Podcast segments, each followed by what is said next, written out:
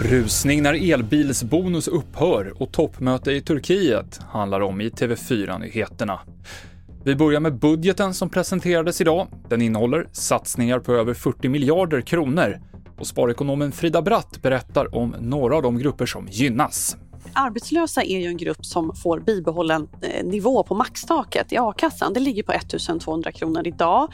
Eh, det är den nivån som eh, motsvarar den tillfälliga höjning av a-kassan som man genomförde under pandemin. Hade man inte gjort någonting, då hade ju den här nivån återgått till 920 kronor.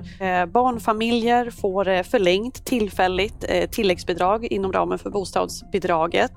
Så det är ju på plussidan. Å andra sidan, är man en familj som gillar att gå på museer, ja då har man inte gratis inträde där, så det finns väl mm. lite plus och minus också då. Sa sparekonomen Frida Bratt. Efter att regeringen med kort varsel slopat miljöbonusen för elbilar så är det rusning till bilhandlare runt om i landet idag när många vill ta sista chansen och köpa till lägre pris. Jens Wetterfors är VD på Din Bil som håller extra öppet. Ja, men för kundernas skull så håller vi extra öppet så vi, vi kommer öppet till 23.59. Eh, så får vi se hur mycket det blir ikväll men jag tror att den stora piken kommer under eftermiddagen. Idag så träffar Ulf Kristersson Turkiets president Erdogan i Ankara för att diskutera Sveriges NATO-ansökan. Och TV4-nyheternas utrikeskommentator Rolf Porseryd tror att man kan ha ganska stora förväntningar på mötet. Sverige och Kristersson har ju delvis gett efter nu när man säger, tar avstånd ifrån ska jag säga, den syriska delen av kurdiska motståndet och det betyder att eh, kanske så nöjer sig eh, Erdogan och det skulle kunna bli ett genombrott. Vi ska inte säga för mycket.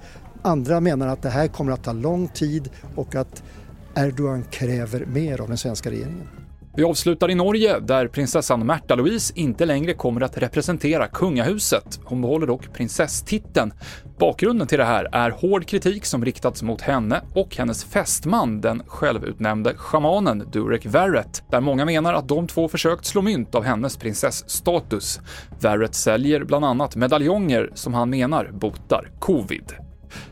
TV4-nyheterna i studion idag, Mikael Klintevall.